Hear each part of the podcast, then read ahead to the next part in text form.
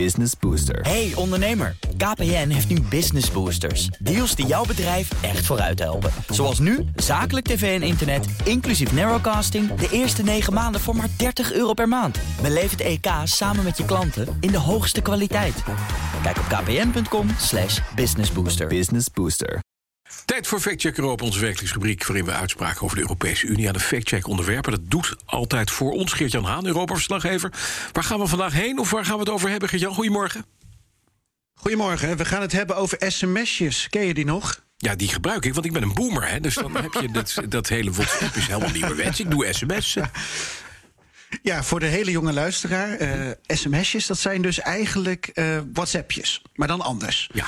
En we gaan het hebben over, in deze factcheck, een artikel van de Telegraaf. En daarin staat de volgende zin. De Europese Commissie ziet sms-verkeer niet als een document dat je kunt opvragen. Oké, het- wat- zijn die aspecten dan eh, van die specifieke zin? even ontleden. Ja, Nou, ja. Als eerste of een sms beschouwd kan worden als een document. Ja, En als tweede hoe het mogelijk is dat de commissie dan een wet op haar eigen manier kan interpreteren. ja. Want is er, is, er, is er wetgeving rond sms'jes dan? Of is het meer... Ja, eh, van- rond documentatie. ja documentatie. Oké, ja, oké. het is Ja, nog een beetje vaag. Het maar- heeft te maken. Ja, hoe, hoe komt dit ja, dan? snap ik. Nou kijk, in de maand mei werd bekend dat Ursula von der Leyen, voorzitter van de Europese Commissie, dat ze sms'jes naar de topman van Pfizer had gestuurd. En die sms'jes zouden invloed hebben gehad op een deal van 1,8 miljard coronavaccins. Nu heb je ineens wel door hoe belangrijk het is dat jij nog sms'jes gebruikt, want je Jawel. hoort er echt bij. Ja. En een journalist wilde Eurowop toepassen om deze berichten in te kunnen zien. Dus een Europese versie van wet openbaarheid bestuur. Mhm. Maar de commissie die vindt volgens dit Telegraafartikel niet dat de sms'jes wopbaar zijn. Dat je die dus kunt opvragen. Oké. En dan komen we aan bij factcheck 1. Zouden dit soort sms'jes dus als document gezien moeten worden? En heeft mevrouw van der Leyen dan gelijk? Is dat zo? Nou, er is een WOP-expert in Nederland. Aha. En dat is Roger Vleugels. En die kan dit haar fijn uitleggen. SMS is iets dat als je niks doet, dan bestaat het jaren. Dus dat is vastlegging. En dan is het een document.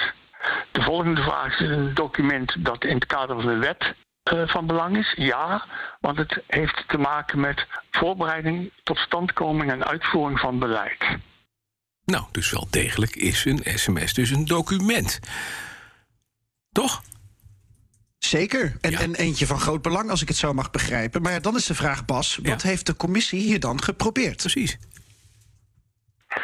De commissie wil alleen de eikpaaltjes wat verzetten. Althans, een paar mensen binnen de commissie. En die zeggen nu dat ze vinden dat sms'jes en dergelijke niet onder de WOP behoren te vallen. Maar dat is een mening.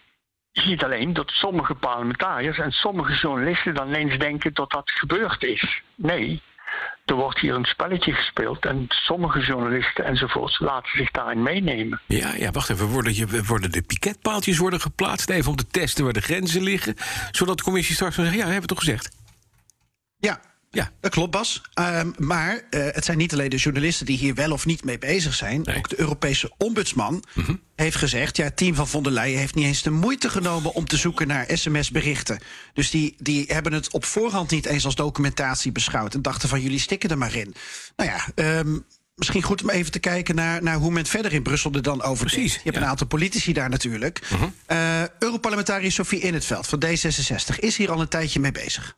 Vind eerlijk gezegd dat, dat wij als parlement daar tekortschieten. Eh en ik merk, want ik heb nu al een aantal keren eh, opgeroepen tot, tot een, een, een publiek debat, een plenair debat. En dan merk je dat er enorme aarzeling is, vooral bij de twee grote fracties. Van ja, maar ja, dat is toch lastig als we dan in het openbaar mevrouw van der Leyen. eh, maar ja, eh, sorry, de, de commissie is gewoon rekenschap verschuldigd aan het Europees Parlement. Dus ehm, ik vind dat we daar echt eh, onze controlerende taak veel eh, strakker moeten uitvoeren. Zo, nou, dat zijn duidelijke woorden van Sofie in het Veld. Dus, samengevat, Geert-Jan, wat is de conclusie? Nou, het klopt dus niet dat sms'jes niet wopbaar zijn. Mhm. En het klopt al helemaal niet dat de commissie zelf mag weten hoe ze de wet die daarover gaat, ehm, ja, hoe ze die interpreteren. Ja. En factcheck 3, Bas van Werven gebruikt sms. Dat klopt ook. En factcheck 4 is... het Europarlement mag hier veel strikter op toezien... want dat laat zich een beetje koeieneren... als ik Sofie in het Veld zo hoorde. Heb jij nog belangrijke Maar daar moet je sms'jes? zo mee Over, oppassen. over belangrijke- ter waarde van 2 miljard. Ik heb- kan ik die opvragen? Nee, ik heb een voicemail gekregen van Geert-Jan, maar ik luister ik nooit af. Oh, maar het kan heel waardevol zijn. Weet ik. Het kunnen we nog opvragen later. Dankjewel, Geert-Jan Haan, onze Europa-verslaggever. Business Booster. Hey ondernemer, KPN heeft nu Business Boosters. Deals die jouw bedrijf echt vooruit helpen. Zoals nu, zakelijk tv en internet, inclusief narrowcasting... de eerste 9 maanden voor maar 30 euro per maand. Beleef het EK samen met je klanten in de hoogste kwaliteit. Kijk op kpn.com slash businessbooster. Business Booster.